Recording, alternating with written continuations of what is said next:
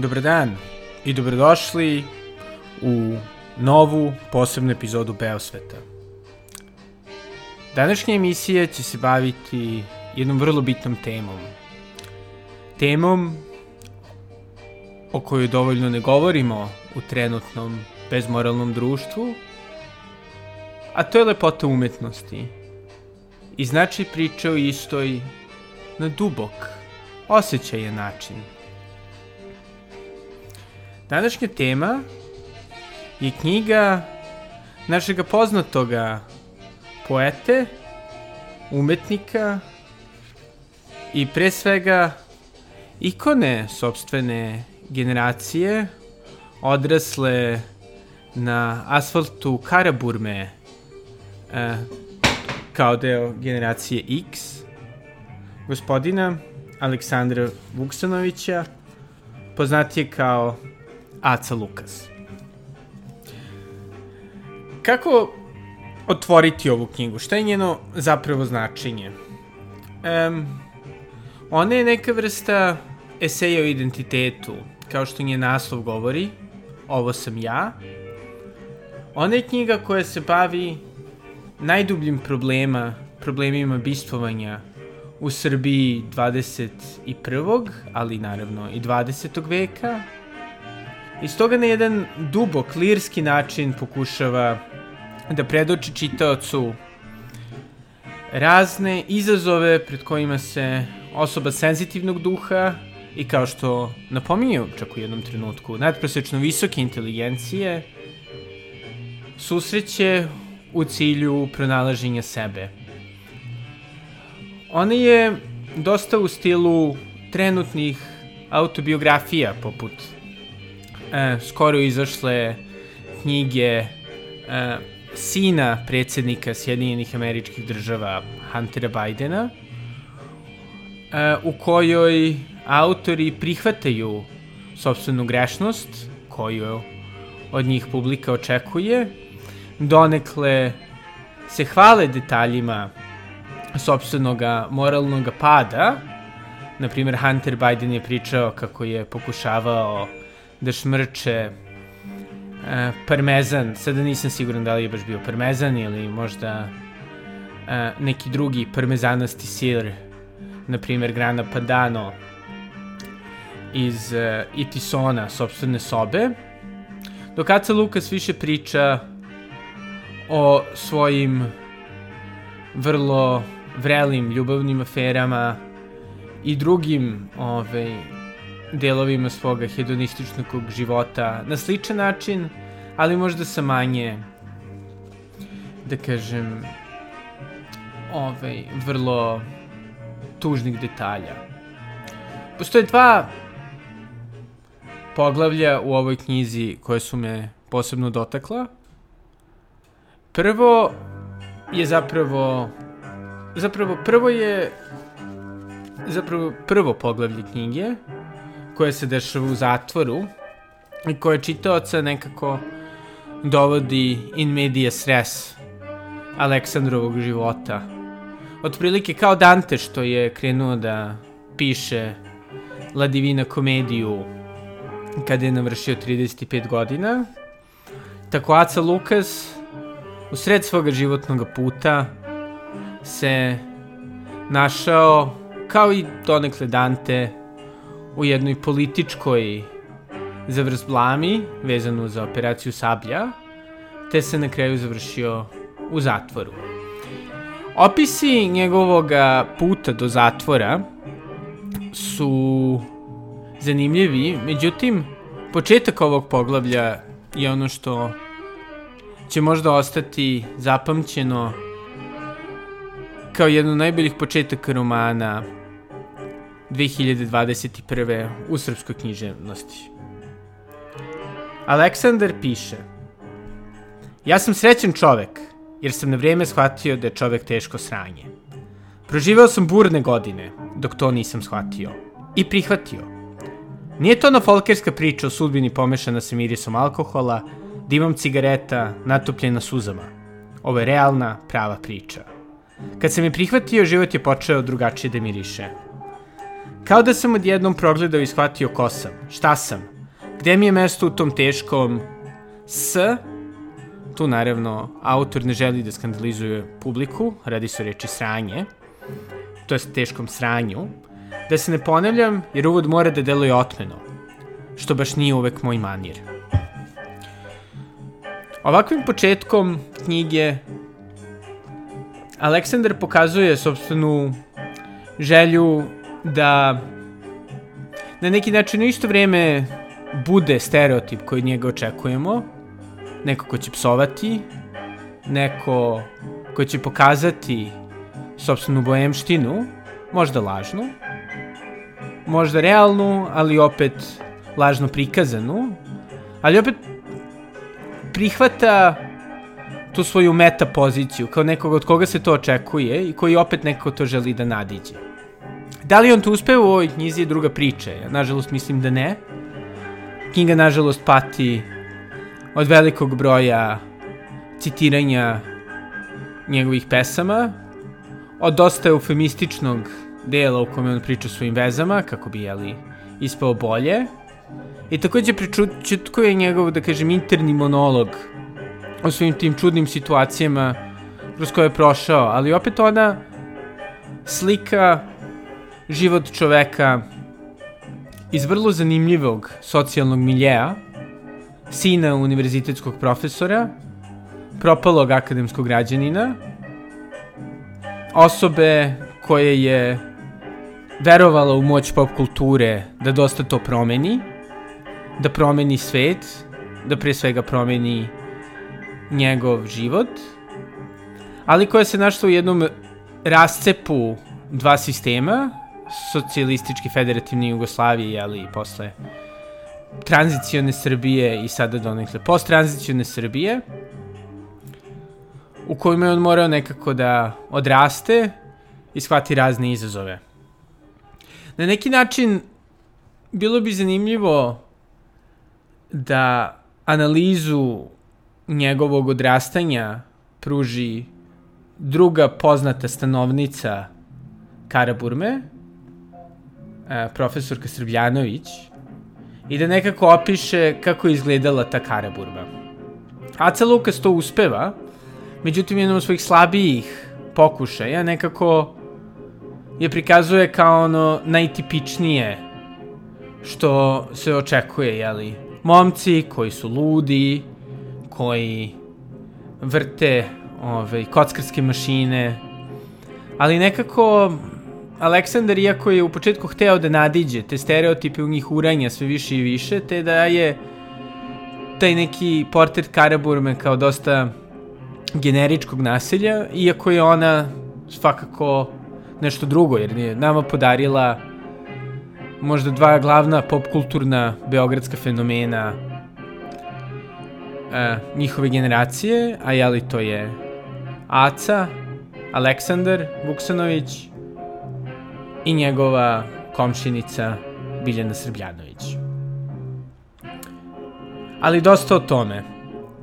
Biljana, to jest profesorka Srbljanović, je odbranila svoga komšiju napadom na jednu drugu zvezdu naše trenutne književne scene, sudiju Majića, ali kako nisam čitao Ostrovo Pelikana, nesumnjivo drugi vrlo zanimljiv, indikativan roman o stanju našeg društva, ovaj, nisam kompetentan da komentarišem. Drugo poglavlje u kome isijava Aleksandrova poetika je postpolitika. Ili, kako on to voli da zove, izvinite, antipolitika, da. To je pretposlednji poglavlje, koji je gotovo esejskog karaktera, u kome on objašnjava evoluciju srpskog društva. I to je meni kao nekome ko se interesuje za te društvene fenomene možda bilo najuzbudljivije. On opisuje taj procep koji se malo pre spomenuo od SFRJ, koju on ne ocrnjuje, čak donekle i hvali, do dosta haotičnijih 90-ih i objašnjava kako turbo folk možda jeste bio najpopularnija muzika 90-ih, ali svako nije bio režimska muzika. Time se, jeli, ponovo uključuju i dalje trajajuću debatu o ulozi turbofolka u srpskoj politici i društvu, koja je skoro nastavila emisija Heroji Doga, Doba zlog na N1. Aca ne ostaje dužan United Mediji. On na dva mesta, ja mislim, napominje kako je prodaja Granda uh, United Mediji bila greška, jer je dozvoljila da se politizuje čista narodna umetnost turbo folka i naravno komentariše potencijalnu korupciju u zvezdama Granda. To je naravno isto zanimljivo obzirom na skoro kontroverzu. Nekako, ono što je tužno je što zapravo ova knjiga, iako možda nije kalibra koji bi se očekivalo, jer se ipak radi o ikoni generacije X u Srbiji, koja doduše nije imala iskustvo u ovom žanru, mada je diskutabilno i da li ga je zapravo stekla ovom knjigom, ako je istina ono što govore zli jezici po čaršiji. Opet on je zanimljiv dokument o jednom vremenu, o jednom fenomenu. Iskren da budem, iako možda sama po sebi nije najdublja, bi zaslužila da bude tretirana filmski od strane Paola Sorrentina, jer daje vrlo upečatljive scene. Imate Acu Lukasa, kome dolazi Jay u klinici za odvikavanje od zavisnosti u Švajcarskoj, koja apsolutno me podsjetila na Youth Paola Sorrentina. Ili opet sa druge strane scene sa vrlo živopisnih romskih svadbi, koje Aleksandar vrlo uverljivo opisuje, koje bi mogle da počnu film o životu Aleksandra Vuksanovića, kao što je jeli scena vrlo, vrlo uzbudljive žurke, započela priču o džepu Gambardeli u La Grande Beleci Paola Sorrentina. Ali da, kao što sam nažalost divergirao od prve misli, pojento je tome da je diskusija o knjizi Aleksandra Vuksanovića, Ace Lukasa, nekako postala tipična malograđanska diskusija o tome ko treba da dobije glas u Srbiji. Šta je kvalitetna knjiga? To su naravno pitanja koje u dobu kada jeli, svi možemo da pišemo sve i kada apsolutno limiti na naše samo izražavanje zahvaljujući internetu ne postoje, je prilično bizarna. Trenutno u srpskoj kulturi imate situaciju, kao što ste imali u kulturi svih država, da će naravno dosta lakše biti ljudima koji su ili već sami popularni, ili u gorem slučaju, koji se može odnositi posebno na umetnike iz generacije X, koji služe određenom propagandnom cilju. Bilo lokalnih faktora, bilo nekih drugih koji bi hteli da oblikuju domaću kulturu. Stoga recimo dosta našeg izdavaštva su knjige u kojima se na vrlo sličan način lamentiraju iste stvari. Propuštene mladosti, raspad Jugoslavije i slično, ali koje na istom nivou kao Aca Lukas ostaju na površini, koje tačno znaju ko je njihova ključna publika, koje publici daju tačno ono što ona želi da dobije od te knjige, koje služe više da budu lep ornament, lepo dizajniranih korica u finom salonu, ili opet sa druge strane u slučaju knjige Akce Lukasa ili Grabljivice na plaži ili u klubu. Dobro, niko ne čita naravno u klubu, ali razumete što hoću da kažem. I koje ne daju ništa dublje, ne daju nikakav dublji uvid. Ta neka para umetnost odvojena zapravo od bilo kakvog dubljeg razumevanja i dublje introspekcije je ono što čini da se debate odvijaju na tako, da kažem, površnom nivou. Znači, nije bitno kome će biti dozvoljeno da piše knjigu i da mu bude objavljena od strane Lagune. Bitno je da li su knjige dobre. činjenica da mi pričamo samo o ljudima, a ne o idejama, što bi rekla Eleanor Roosevelt, pokazuje da smo mali ljudi, da nismo sposobni da ih dočaramo.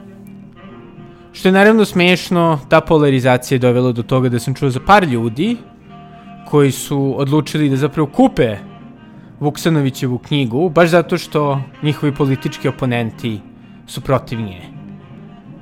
Svaki snimak spaljivanje knjige Aca Lukasa, svaki snimak tretiranje iste tosterom ili vodom, kao što smo danas videli, povećavanje tiraž.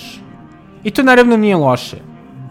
Aleksandar Vuksanović je osoba koja ima više da kaže o životu od većine ljudi koji pišu knjige. Činjenica da to nije uspeo da uradi na neki bolji način ili da njegov ghostwriter nije uspeo da od ovoga crnoga bisera da ovom crnom biseru zapravo da neki poseban sjaj je šteta, ali ona nije veća šteta od činjenice da već duže vreme na našom umetnošću dominiraju apsolutno plitke političke knjige o kojima svako zna šta će da govore. Konačno skandalizovanje oko činjenice da čovek nemorala može da izda knjigu je vrhunac malograđanštine. Ti ljudi očigledno nisu pročitali eh, knjigu koju je prošle godine dobila Ninovu nagradu od jeli Svetislava Basare u kojoj se opisuje analni seks to jest potencijalni analni seks sa Desankom Maksimović. Naravno, problem nije da neko piše o analnom seksu sa Desankom Maksimović. Problem je u tome zato što Basara, za razliku od Lukasa, koji o svojim lasevnim momentima niti priča u toliko detalja, niti ih koristi beslovesno, Basara ih koristi isključivo da bi šokirao. Basara nije svestan Markiza de Sada, koji je živeo pre par vekova. Basara nije svestan toga da društvo više ništa ne može da šokira. Toga da je, da su šok i inovacije nešto što, kao što je Roger Scruton pričao, poslednji trikovi savremene umetnosti, odigrani već pre pola veka ili duže. Basar je dobio Ninu nagradu, Aleksandar Vuksanović, što je najsmešnije, je neće dobiti ne zato što mu je knjiga objektivno osrednja, mada ne i loša, već zato što nije na istoj političkoj strani. Tako da, iako možda ne bi trebalo da pročitate ovo sam ja, a konto njene literarne vrednosti, debata oko nje i kontroverza koja je okružuje pokazuje tužno stanje u srpskoj, nazovi, visokoj kulturi. U toj meri da knjiga koja počinje sa sve laži o meni su istinite i sve istine o meni su lažne, zapravo postaje zanimljiv dokument u ovom postmodernom momentu. Hvala vam što ste slušali i ovo je prva i verovatno posljednja edicija Beosveta književne edicije. Hvala puno i doviđenja.